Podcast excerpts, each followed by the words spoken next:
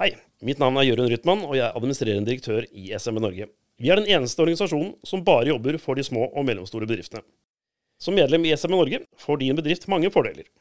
Et politisk talerør inn til Stortinget og regjeringen, svært kunstige forsikringsordninger, gratis advokathjelp over telefon og e-post.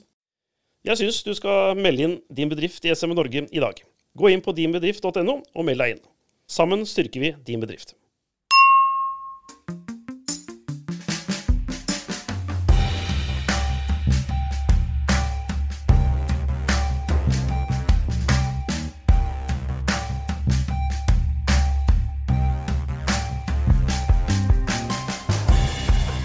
Hei og velkommen til en ny episode av SMB Norge-podkasten her fra hovedstudio i Oslo. Sitter igjen. Jeg er Klaus Jacobsen alene, for Christian Eilertsen er på reise. Onkel Reisende Mac. Men igjen så sitter vi her med advokat Nikolai Skarning. Hei på deg, Nikolai. Og tusen takk for at du hadde tid til nok en liten episode med Hei på deg igjen. Veldig hyggelig å være her fortsatt. Ja, og det, det som er litt artig, Nikolai, det er for at um, nå skal du også, eller du har tatt fatt på å bli en politisk kommentator. Ja, jeg tenker meg mer som fagpolitiker. Ja. Mm. Jeg elsker jo arbeidsrett, som jeg pleier å si, overalt på jord. Syns det er Ja. veldig spennende, så jeg følger jo også med på lovgivningen der. Ja. Og da gjør jeg meg også gjerne opp noen tanker om jeg syns lovgivningen på arbeidsrettsområdet er bra eller dårlig for norske arbeidsplasser. Ja. For det som er tilfellet at Du skrev nylig en artikkel i Dagens Perspektiv som heter 'LO endrer norsk arbeids- og næringsliv på rekordtid'. Og Det er den vi skal eh, snakke litt om og følge opp her. da. Og Selvfølgelig så er ikke jeg noen ekspert, men vi har heldigvis en ekspert her. fordi Hvis du går på ark.no og søker på Nikolai Skarning, så finner du altså masse bøker som omhandler nettopp det her eh, spesialtemaet. Så det er ingen tvil om altså Du har en bok om nedbemanning, sluttpakker, sykefravær. Oppsigelse ved mangelfull arbeidsytelse, permittering under etter korona, oppsigelse skritt for skritt, permittering, nedbemanning midlertidig Altså det er masse bøker. Det her er, det har virkelig vært noe du har brent for i mange mange år. Så det her er virkelig noe du, du kan om. Det er riktig, og, og um, jeg jobber jo i disse sakene veldig mye på arbeidsgiversida. Jeg tar jo Ja. noen arbeidstakersaker òg, men jobber jo veldig mye på arbeidsgiversida. Og da ser kan du si, på loven mer litt arbeidsgiverens eh, blikk. Men samtidig slik at jeg også selvfølgelig er veldig opptatt av de ansattes rettigheter. Og det skal være en balanse i avtaleforholdet mellom arbeidsgiver og arbeidstaker. Ja. Og så, Vi snakka litt om det her i eh, går kveld. for det, det du uh, føler litt på her, det er vel det at uh, det er jo ingen hemmelighet at LO har en direkte fot inn i dagens regjering gjennom Arbeiderpartiet. De sitter vel i sentralstyret fortsatt i Arbeiderpartiet. Veldig merkelig ordning for resten av verden, tenker jeg. Ja da, det gjør jo det, men det er klart det gir LO en veldig stor innflytelse. Og man kan vel kanskje være så frisk å si at Arbeiderpartiet for så vidt overlater arbeidslivspolitikken sin til LO. Ja. Og det er vel det vi ser eksempler på nå. Nå har LO skal vi si, sittet litt i ro, men selvfølgelig spilt mye inn. Og, og som jeg også skriver i denne artikkelen, så sier jeg at LO har jo spilt veldig mye viktig inn til arbeidsmiljølovgivning i Norge. Og som har vært en direkte virkning på at det har blitt så bra lovgivning som det vi har. Men jeg mener jo det at nå begynner vi å bikke over i skal vi si, for stor grad i forhold til de rettigheter som arbeidstaker har. Eh, Man utvider arbeidstakerbegrepet. Eh, Man skaper vanskeligheter for bedriftene gjennom de forslagene som LO nå har kommet med, og som de på en måte banker gjennom i regjering og storting. Og som jeg tror vil være skadelig for både arbeidslivet og for norsk arbeidslivs- og næringslivs konkurranseevne. Fordi dette går rett og slett utover bedriftenes evne til å gjøre jobben. Det blir vanskeligere nå å nedbemanne. Ja. Og det blir eh, nærmest et forbud mot å bruke bemanningsbyråer, altså vikarbyråer som vi kalte det, ved midlertidig behov. Du kan fortsatt bruke de ved sykdom og sånn, sykefravær, men du kan ikke bruke de hvis du har midlertidig behov. Eh, og der har man eh, banket dette gjennom nå. Uh, og det gjør at det blir vanskelig for bedriften å få tak i de riktige menneskene til riktig tid. Mm. Vi skal gå gjennom de punktene du, du har notert i den artikkelen din. Men bare et spørsmål, og kanskje jeg er litt vågal når jeg sier det. Er det så at LO gasser på, sitter i førersetet, de har gassen, de har girspaken, de har kløtsjen, de har alt. Blinkelysene, de har alt nå. Er det sånn at de gasser på og trykker gjennom masse endringer på kort tid, fordi at man kanskje forstår at regjeringsprosjektet nå ikke lever så veldig lenge, og så skal man bare tvinge gjennom alle disse endringene man bare har lyst til å få gjort, og herje med hvis neste regjering ikke er av samme politiske farge. Er, for ufin her, påstår det? Eller hva? Nei, jeg tror du har rett. Og jeg tror at eh, LO er jo kan vi si, Norges dyktigste lobbyorganisasjon. eh, Og også både på faglig og kommunikasjonsmessig så er de på en måte helt i verdensklasse. Ja. Og de har selvfølgelig spilt mye bra inn i løpet av åtte år med Erna Solberg, men så har de også sittet kan du si, og ventet. Og jeg tror at veldig mye av de lovforslagene vi ser, det er nå en tsunami av lovforslag som skal feies gjennom regjering og storting i løpet av et år. Og jeg tror veldig mye av dette her er rett og slett skrevet i LO-bygget på Youngstorget. Ja. Og så tar man bare og måker det gjennom nå. Og veldig mye av det går nå gjennom det første året med en ny regjering. Eh, så kan man kanskje da roe seg litt ned etter hvert. ikke sant? Så dette gjør de fordi de da skal, ønsker å få den direkte påvirkningen nå, mens de har muligheten. Ja. Eh, Kanskje jeg kjører litt på glattis nå, Nikolai, men det at LO er representert på en måte direkte og indirekte i regjeringen, er det en modell man har ellers i verden, eller er den unik for Norge? Den er ganske unik for Norge, og vi må vel bare kunne konstatere det at det gir eh, LO en, en formidabel maktposisjon. Eh, og det syns jeg er mye bra å si om det også. Men det er altså slik med makt at når man sitter med mye makt, så må man også på en måte prøve å begrense det litt. Og ikke bli for overivrig i maktbruken. Og her i denne situasjonen vi er i nå, med denne tsunamien av endringer i arbeidsmiljøloven til arbeidsgiverens ulempe, Ja. og til næringslivets ulempe, så mener jeg at eh, LO burde lagt noe mer bånd på seg. Men det er altså ingen som eh, kan legge bånd på LO i disse dager. Nei. Skal gå gjennom de fire punktene som du har skrevet. Vi anbefaler den. Hvis du går på dagensperspektiv.no, så kan du søke opp da. Og der eh, skriver du selvfølgelig som, eh, som advokat på vegne av SMB Norge og Gründerforeningen, bare så vi har det sagt at det, du er jo vår uh, ja, internrepresentant, eller hvordan skal vi kalle det? Ja, du kan si den artikkelen er bygget på eh, engstelse blant medlemmene i SMB Norge og i Gründerforeningen, med hvordan de skal løse sine oppgaver som bedrifter. Ja. Så må jeg skynde meg å si det at vi er alle sammen enige om at det skal være et sterkt stillingsvern i Norge. Hele stillinger, faste arbeidsforhold, det er vi enige om alle sammen. Det som er problemet nå, er at nå kommer man med forslag som gjør det altså vanskeligere å leie inn folk. Og det gjør det vanskeligere for bedriftene når de har midlertidige behov. Og det blir vanskeligere å si opp eh, ansatte i forbindelse med nedbemanninger. Og det er klart det påfører bedriftene kostnader, som i neste runde kommer til å holde lønningene nede. Så dette er forslag som også, etter min oppfatning, er uheldig for arbeidstakerne i Norge. Ja. Da skal vi ta de fire punktene, og så har jeg juksemiddel med meg her for at ikke jeg klarer å huske så, så mye. rart. Men da har skrevet fire viktige punkter i den artikkelen. Punkt er Store endringer i arbeidsmiljøloven på få måneder. Så skal jeg ramse opp de som du har ramsa opp, da. Fjerning av retten til midlertidig ansettelse i ett år. Kollektiv søksmålsrett mot norske arbeidsgivere. Forbud mot bemanningsbyråer ved midlertidig behov. Styrking av retten til heltid. Utvidelse av arbeidstakerbegrepet. Fortrinnsrett til stilling i konsern ved nedbemanninger. Og alt det her i løpet av ett år, som du sier. Det er ganske mye i dagens eh, moderne samfunn som vi skulle tro at vi var ferdig å behandle det meste. at leiren var lagt, liksom. Men hva er det her som, som du eh, Alt, alt, dette, alt Ja. dette her vil bare bli måkt igjennom. Det kan Ja. vi legge til grunn. Det blir måkt gjennom regjeringen, og det blir måkt gjennom Stortinget. Eh, hele arbeidsgiversiden i Norge er jo imot disse endringene, men det er ingen som lytter til dem. Altså NHO, Virke, Spekter, de er alle sammen bare satt til side. Ja. Eh, opposisjonen på Stortinget har eh, mindretall, og sånn er det jo i et demokrati. Det vil altså si at dette her også blir bare måkt gjennom Stortinget. Så vi kan bare legge til grunn mye av det er allerede gjennom Stortinget. Og det neste kommer nå i løpet av vinteren, våren. Så blir resten eh, måkt gjennom. Ja. Og, og ehm, det er altså flere ting. Du spurte meg kanskje om hva som er på en måte det verste i dette her. Ja. Og det er ehm, eh, Man kan si dette forbudet mot å bruke bemanningsbyråer ved midlertidig behov. Det er ille. Og det er også ille for Distrikts-Norge, fordi du vil ha vanskeligheter med å få tak i kompetent arbeidskraft til riktig tid. Så har du kanskje tre-fire måneders behov, så får du altså ikke lov til å Sesongjobb, f.eks. for eksempel, ikke sant? Og da bruker du bemanningsbyråer, for det er de som er eksperter på å finne folk som har riktig kompetanse. Og det skal nå forbys. Og så For å få med seg Senterpartiet, så har man bare unntatt hele landbrukssektoren. Eh, men det blir jo en, liksom en sånn politisk hestehandel som egentlig er ganske åpenbar, og som viser også hvor skadelig dette er. Når Senterpartiet sørger for at hele landbrukssektoren unntas fra disse forbudene.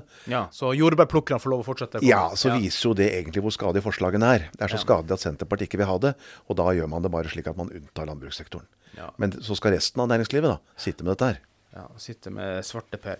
Du, har, du, har du funnet ut av hvordan eh, alle de her nye reglene vil påvirke inn- og utleieselskapene? Har du hatt noen dialog med noen? Vet du noe hvordan det her vil slå ut? Er det, må den bransjen legge ned, eller hva? Er, Dessverre så vet jeg det litt for godt. Og Ja. det er jo Anne Cecilie Kaltenborg som leder NHO Service og Handel, altså som har mange av de største bemanningsbyråene som medlemmer, altså Adecco, Manpower og disse her. Og de sier jo det nå, eh, og hun skrev akkurat en artikkel nå i Aftenposten hvor hun sa det at eh, du er sagt opp, god jul, hilsen regjeringen. Ja. Og hennes poeng var det at nå er det masse av de menneskene som er innenfor 50 000-70 000 mennesker som er ansatt i bemanningsbyråene, som nå mister jobben som følge av disse vedtakene som regjeringen kjører gjennom. ja. Og da forsvinner vel i praksis de selskapene òg, for de skal jo også ha noe å fakturere ut? Ja, disse største Manpower og Adecco blir jo værende fortsatt, for at de, har jo, de leverer jo vikarer f.eks. ved sykefravær og sånt, Ja, og det er ja. fortsatt lov. Men det som jeg er opptatt av som arbeidsrettsadvokat, det er ikke bare de som er medlemmer i LO, for det er 620 000 mennesker ca. yrkesaktive. Ja. 25 ca. norsk arbeidsstyrken. Men da er det 75% andre som vi også må tenke på, Ja. og som regjering og storting burde tenke på. Ja. Flertall på Stortinget. Ja. Og det som jeg er opptatt av eh, her, eh, det er jo også de som skal komme inn i arbeidsmarkedet. Ja. Nemlig de som kanskje har hull i CV-en, de som kanskje har en dårlig utdannelse, de som har funksjonshemminger, som vi har snakket om før, eller innvandrere eh, som snakker dårlig norsk, eller som har et navn som gjør at de sliter med å få jobb. Poenget her er at når du dytter så mange byrder over på arbeidsgiverne som LO nå gjør, så vil arbeidsgiverne bli enda mer skeptiske med hensyn til å ansette. Ja. Det er man nemlig fordi hvis det blir veldig vanskelig å si opp, så blir man også veldig engstelig for å ansette, for da sitter man i saksa hvis arbeidsforholdet ikke fungerer bra. Ja. Og Det er derfor jeg er veldig, veldig opptatt også av at bemanningsbyråene, der var det muligheter for innvandrere, funksjonshemmede eh, og folk med hull i CV-en å komme inn og få lov til å prøve seg. Fordi poenget er at når eh, norske bedrifter får leie inn folk, så får de også prøvd dem. Og så viser det seg da at en eller annen som sitter i rullestol, eller så viser det seg en eller annen som snakker kjempedårlig norsk. Eller en som har hatt masse hull i CV-en, kanskje vedkommende har sittet i fengsel i tre år. Eh, ja vel. Så viser det seg at vedkommende kommer inn på bedriften. Han eller hun leies inn tre-fire måneder og fungerer kjempebra. Ja. Alle er fornøyd med vedkommende og tenker dette er en superperson. Vi ansetter vedkommende. Den muligheten ødelegges nå gjennom det som eh, LO eh, har dyttet igjennom i Stortinget.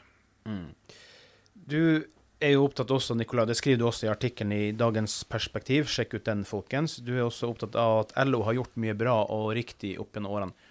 Er det noen av disse forslagene som du også vil si det var en riktig vei, eller er alle bare til skade for eh, næringslivet? Nei, altså Jeg skal ikke si det så uh, fundamentalt som det. Altså Det vil også være dette med rett til heltidsstillinger. eh, Det at eh, man skal ha fortrinnsrett stilling og sånn. Det er mange ting i dette som også er bra. Og la meg også si det at LO også, gjør jo et veldig viktig arbeid når det gjelder verneombudsordningen og arbeidsmiljøutvalg. Der har også LO presset på for å skal vi si, styrke vernearbeidet på bedriftene. Ja. Og der mener jeg LOs forslag er veldig bra. Og jeg mener at LO gjør, gjør veldig mye bra i dette her. Det som jeg savner hos LO, er at man burde der tatt litt mer selvkritikk og litt, hørt litt mer på arbeidsgiversiden når det gjelder de andre forslagene. Fordi at dette her med forbud mot bemanningsbyråene, for eksempel, det begynte egentlig med Bjørnar Moxnes fra Rødt, som foreslo det pga. at det var en del for mye innleie i Oslo. Det kan vi være enige om mange i bygningsbransjen der. Men så tar man det som Moxnes og Rødt sier, og så gjør man plutselig det om til et forbud mot bemanningsbyråer i hele Norge. Ja. Det er å kappe huet av et, noe som i utgangspunktet kunne vært et bra forslag. Ja, og som gir mange folk en sjanse inn i arbeidslivet, som du uh, sier som et godt poeng. Det er veldig viktig, det. Uh, punkt to i saken din, den nye norske diktatmodellen. Det er 'winner takes it all', synger ABBA. Hva legger du i den nye norske diktatmodellen? Nei, jeg, jeg er jo litt opptatt av å, å skal vi si, eh, protestere mot eh, at LO kjører dette så hardt igjennom, og at regjering og storting bare kjører dette igjennom sånn som de gjør. Mm. Jeg tenker at her burde de lagt litt begrensninger på seg sjøl. Og lyttet litt mer til arbeidsgiversiden istedenfor å være the winner takes it all. Og så triumferende bare kjøre dette gjennom. Her burde man vært mye mer i dialog med arbeidsgiversiden. De burde også lyttet mye mer til SMB Norge og Norges Gründerforening. Og vært i dialog og prøvd å finne fram til enhetlige løsninger. Og om, eh, altså for, i forståelse med hverandre. Ikke bare sitte i, i huset på Youngstorget og diktere alle andre sånn som de gjør i dag. Ta en liten lytt på vår gode mann Jørund Rytman, så kommer jeg og godeste Nikolai straks tilbake. Hei, mitt navn er Jørund Rytman, og jeg er administrerende direktør i SMB Norge. Vi er den eneste organisasjonen som bare jobber for de små og mellomstore bedriftene. Som medlem i SMN Norge får din bedrift mange fordeler. Et politisk talerør inn til Stortinget og regjeringen, svært kunstige forsikringsordninger, gratis advokathjelp over telefon og e-post. Jeg syns du skal melde inn din bedrift i SMN Norge i dag. Gå inn på dinbedrift.no og meld deg inn.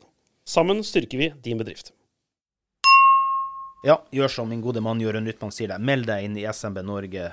For en utrolig liten eh, kronemynt så får du masse gode fordeler her i SMB Norge som medlemsbedrift. Altså.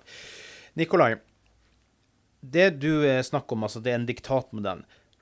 Har vi sett et LO nå som har uh, fått en form for grådighet som du ikke har sett før? Har de, er de på speed? ja, nei, jeg vil ikke bruke kanskje så sterke ord, men, men jeg skriver i artikkelen at det koker litt over der borte nå. Ja. Fordi at man har sittet og ventet nå i, under Erna Solberg i åtte år, og så eh, har man selvfølgelig der borte vært veldig ivrig på å gjøre mange endringer. Og som jeg sa, så er det en del av de endringene som er bra, ikke minst på dette med verneombud og arbeidsmiljøutvalg og en sånne ting. Og, ja. og som jeg også sa innledningsvis, så har også LO gjort veldig mye bra når det gjelder stillingsvern og faste hele stillinger. Det er vi alle sammen enige om. Mm. Det som er problemet nå, er at man angriper bedriftenes muligheter til å bruke midlertidig arbeidskraft. Ja.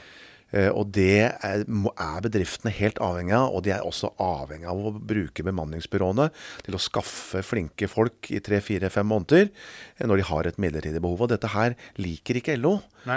og det er for så vidt greit. Det er ikke deres jobb kanskje å like det, men det er der jeg mener da at partiene, regjeringen, at partiene i regjering og storting burde her skal vi si, balansert kravene fra LO med også andres interesser. Mm. Arbeidsgivernes interesser, andre grupper i samfunnet.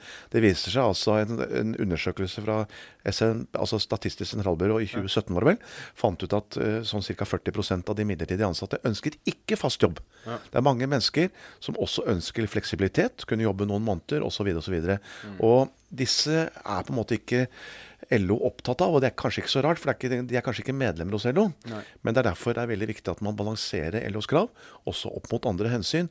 Og dessverre, det gjøres ikke i dag. Nei. LO burde kanskje visst litt uh, mer storsinn for at uh, de representerer mange tusen medlemmer igjen, men disse medlemmene er jo ansatt i en bedrift igjen. Burde de ha visst mer storsinn, eller er det for mye forlangt, da? for andre grupper? Nei, jeg syns ikke, ikke, det er mye for, for mye forlangt. fordi at de er jo veldig opptatt av å innføre tariffavtaler overalt. Mm. Og det er en veldig ærlig og redelig posisjon. Og da sier de samtidig at vi skal samarbeide med virksomhetene gjennom en tariffavtale. Da har du typisk bedriftsutvalg hvor de tillitsvalgte samarbeider med ledelsen. Ja. Den tankegangen der mener jeg også burde gå inn i LO-bygget. og De burde også da sitte og samarbeide og forhandle seg fram til løsninger med arbeidsgiversiden og for så vidt med andre involverte grupper. Og de burde på en måte følge det de selv står for i tariffavtalesammenheng, nemlig samarbeid, samarbeid, samarbeid. Mm. Og det vi da har sett nå, dessverre, det er det motsatte av samarbeid. Det er på en måte et rent diktat ja. som bare måkes gjennom regjering og storting. Ja. Det her er jo min bekymring i, eh, som en politisk uh, dyr, kanskje en slapp hund, eller hva jeg skal si, en, en dagsherre, jeg ikke vet det, altså. men jeg er jo veldig bekymra for nettopp eh, dialogen, eller det mangel på dialog og det hatet som brer seg om i Og nå sier jeg ikke at det innen LO og NHO er typisk der, da. Men språken og måten vi snakker til hverandre på ulike sider i det politiske samfunnet, syns jeg blir mer og mer ufint og stygt. Og det skaper en slags eh, forakt for hele den, den, politiske debatten.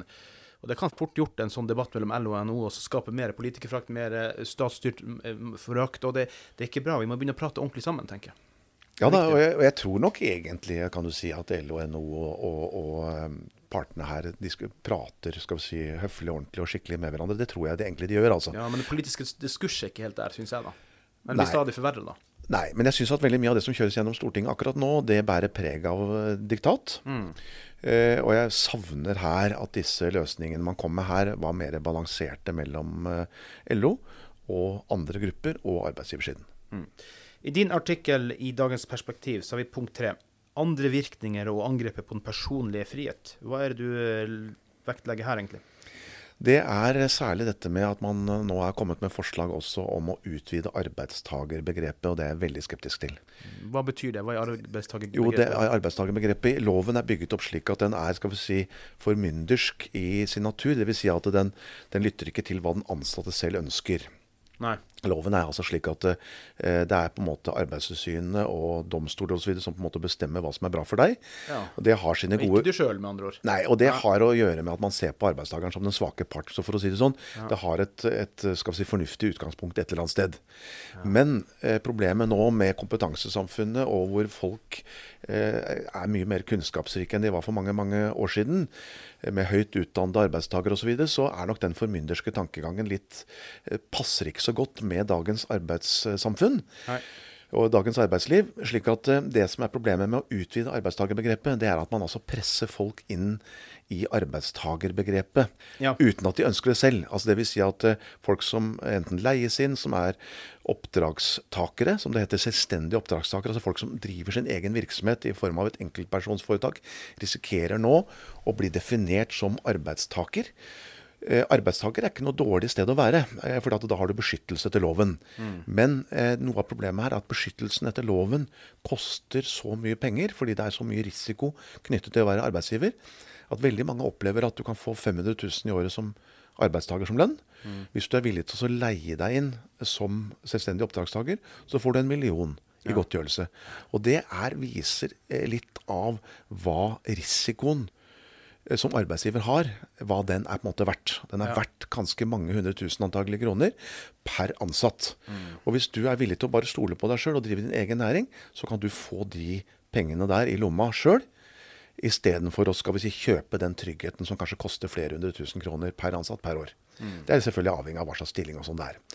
Så, så her er poenget det at eh, når man da utvider arbeidstakerbegrepet, så presser man flere mennesker til å bli i et underordningsforhold til en arbeidsgiver. Man presser flere folk til å bli arbeidstakere som ikke ønsker å bli arbeidstakere.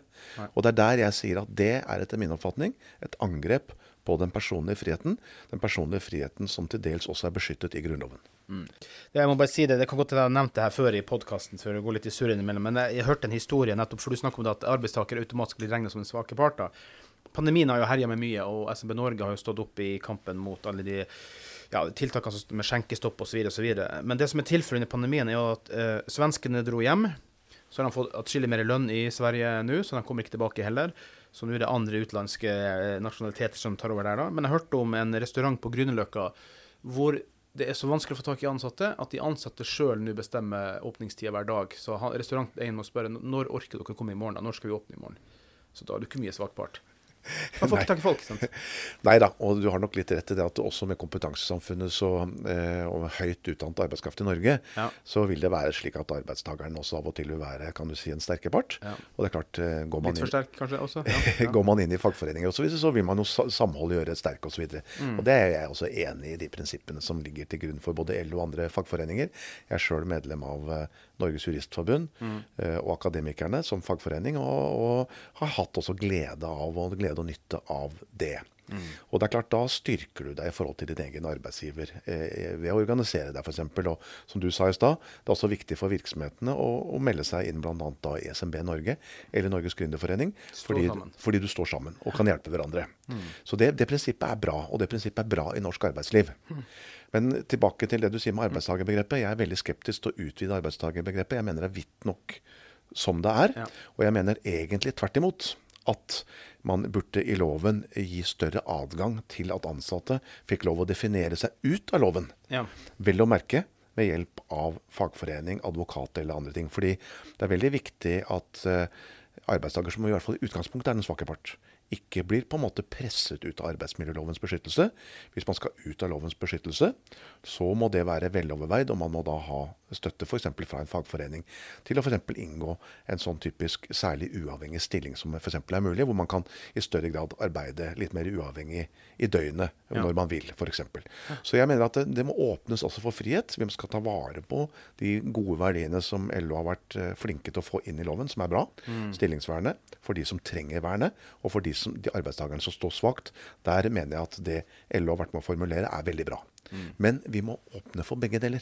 Vi må også åpne for de andre, de som ønsker å eh, skal vi si, jobbe for seg selv. Være herre i sitt eget liv, eller kvinne i sitt eget liv. Være sånn herre vil eller kvinne i sitt eget liv, det må vi også åpne for. Og den modellen som nå ligger gjennom Stortinget nå, med utvidelse av arbeidstakerbegrepet, presser folk inn i en form som vil også passe veldig dårlig på en del mennesker, og som tar fra folk frihet til å satse på sitt eget yrkesliv. yrkesliv. Da skal vi ta det siste punktet her i din artikkel, Nikolai, i dagens perspektiv. Punkt fire. Den særnorske retten til å stå i stilling med lønn i to år etter en fullt ut saklig oppsigelse. Det her må jeg innrømme at det her var ikke noe jeg kjente til i det hele tatt. Hva går det her ut på, egentlig? Nei, dette er noe som LO fikk inn i loven i 1977. Det var egentlig inspirert av en eh, regel i Sverige, men denne regelen i Sverige gikk aldri så langt. Eh, Og Den går altså ut på at hvis du saksøker arbeidsgiveren din etter en oppsigelse, du blir sagt opp, og så saksøker du arbeidsgiveren din, Ja. så har du rett til å stå i stilling helt til Høyesterett har sagt eh, siste ord i saken. Hvis du er fellessak, eller hvis du er enesak alene? Nei, hvis du, hvis du, nei da, altså hvis du, hvis du blir sagt opp, eh, så kan du altså gå til sak. Ja. Og så står du i stilling helt til Høyesterett har sagt sitt. Og det tar ca. Ja, halvannen til to år. Ja. Og det betyr at selv om du har fått en fullt ut saklig oppsigelse, altså nedbemanning f.eks., bedriften går dårlig, nedbemanning, så må bedriften likevel beholde deg helt til Høyesterett har sagt sitt. Og det tar altså bortimot to år. Det koster bedriften 1-2 millioner kroner per eh, oppsagt ansatt. Og Norge er antagelig det eneste landet i verden som har det. Og det kommer fra LO. Nå skal jeg si en ting om det også, og det er at det er noe bra i det. Okay. Det, er, det er noe bra i det. Eh, og det er at eh, det, det forlenger stillingsvernet, og det gir den ansatte en beskyttelse. Og i tilfelle du er utsatt for en usaklig oppsigelse, så gir det en god beskyttelse. Men det Bondevik og den borgerlige regjeringen gjorde i 2005, Ja. det var at de sa som så at ja, du skal få lov til å stå i stilling. Og det er jeg enig i. Til førsteinstans, altså til tingretten har tatt stilling i saken. Ja. Og hvis tingretten sier at oppsigelsen er saklig og alt er i orden, da mener jeg at da må du fratre. Ja. Men så kom Stoltenberg-regjeringen etterpå, eh, og eh, det første LO da gjorde gjennom Stoltenberg-regjeringen da, var å endre det igjen, slik at du skulle stå i stilling helt til Høyesterett har sagt sitt. Og da er du plutselig, står du plutselig i to år, selv om du har fått en fullt ut saklig oppsigelse. Den regelen der er kostbar, den er risikabel, den er på en måte farlig, eh, altså i anførselstegn da selvfølgelig, eh, for bedriftens økonomi. Ja. Og eh, den skaper stor risiko ved et fast ansettelsesforhold. Så jeg hadde håpet at vi på et eller annet tidspunkt kunne få LO med på at ja, du skal stå i stilling, men bare fram til tingretten tar stilling i saken. Ja. Og sier de at oppsigelsen er saklig, så skal du fratre. Ja. Fordi dette har jo noe å gjøre med at du tapper bedriften for masse penger. Og så i tillegg så har Høyesterett og arbeidsretten i sin tid sagt at du får ikke lov å permittere folk som står i stilling. Det vil altså si at en bedrift som nedbemanner, la meg si 10 av 100 Ja, Du må verne de du egentlig skulle sparke ut. de, er- de, er, de er vernet. Så du, du sier opp ti stykker fordi du er nødt til det. bare Bedriften går dårlig. Og så har, går den så dårlig så du må permittere i tillegg. Da kan du ikke permittere de ti som du har sagt opp, enda det er de du burde permittert. Ja. Da må du permittere ti andre. Ja. Slik at dette går også utover andre ansatte. Ja. Og det er disse diskusjonene her som jeg savner litt at man burde hatt en dialog med LO på. Ja. Fordi her er det mulig, burde det være mulig å komme fram til en mye bedre lovgivning enn det vi har i dag. Ja, og være litt mer nyansert. Men gud forby at eh, si at eh, du eh, som ansatt gjør underslag. Da mister du disse rettighetene. Ja, altså underslag så blir du blir avskjediget, og da, da stort sett og da, Da kan du ikke stå i stilling Da kan du ikke stå i stilling. Nei, Nei, nei. det er riktig. Så det er litt forskjell på Nei, de så alvorlige. tyvene får ikke lov å stå i stilling. Nei, nei, Men de er ikke så mange av, da. Nei, nei, det, det Heldigvis. Ja. Tusen takk, eh, Nicolai. Vi anbefaler veldig godt d- dagens perspektivartikkelen. Finn den da. Helt til slutt, siste spørsmål. Eh, norske arbeidsmiljøloven. Står den bra i dine øyne og ører, eller ikke i forhold til resten av verden og samfunnet? Hva tenker Ja, du? jeg tror jeg er enig med, med både LO, NHO og mange andre som sier at uh, loven er bra. Ja. Jeg tror at arbeidsmiljøloven er veldig bra. Så jeg bare sier som så at eh, modellen der passer ikke på alle. Nei. Og jeg mener at vi må ha større respekt for at det er ganske store grupper i norske samfunn som ikke vil inn i alle lovens bestemmelser, og at vi også må akseptere skal vi si, den minoriteten som ønsker noe annet enn det som er arbeidsmiljølovens regler. Vi må kunne tåle å leve med hverandre, selv om vi har forskjellig syn på dette her. Ja, jeg hørte bare en sånn liten sånn siste digresjon her. Vi var, på, vi var på konferanse i går, og så husker ikke hvilken advokat det var. om det var Hodneland eller Det var i hvert fall en sak med et eller annet hvor Mattilsynet hadde vært til stede i en frysehall. Det er minus 20 grader i den, og ja, men her må det være håndvask. Hadde jo vedkommende fra Mattilsynet kommet og sagt. Den vedkommende vet ikke hvordan eh, frost og vann eh, fungerer i hop. Så, så litt sånn logikk inn i en arbeidsmiljølov må kanskje også koble på hodet litt innimellom òg, da.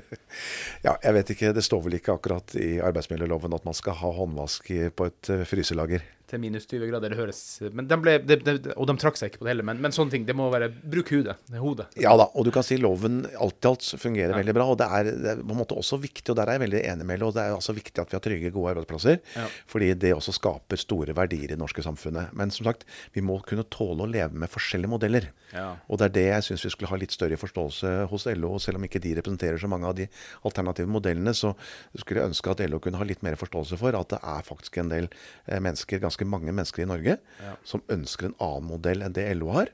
Og jeg mener at vi må kunne leve med begge modeller. Ja, folk er folk. Det er ikke bare bedrifter som er ulike, men også folk er ulike hvordan de ønsker å organisere seg og ha det i sitt liv. Og det må man ta hensyn til. og og noen må vel si kanskje at eh, norske folk er kanskje noe av det mest ulike i hele verden. Ja, det vil jeg også tro. Så tusen takk, Nikolai Skarling, for praten. Det ble som alltid en supergod prat, og det er likegyldig hver gang vi treffes. Jeg setter stor pris på at du hadde tid til det her, da. Og ikke minst, veldig viktig poeng du tar opp. Så det må jo markeres, det må jo debatteres.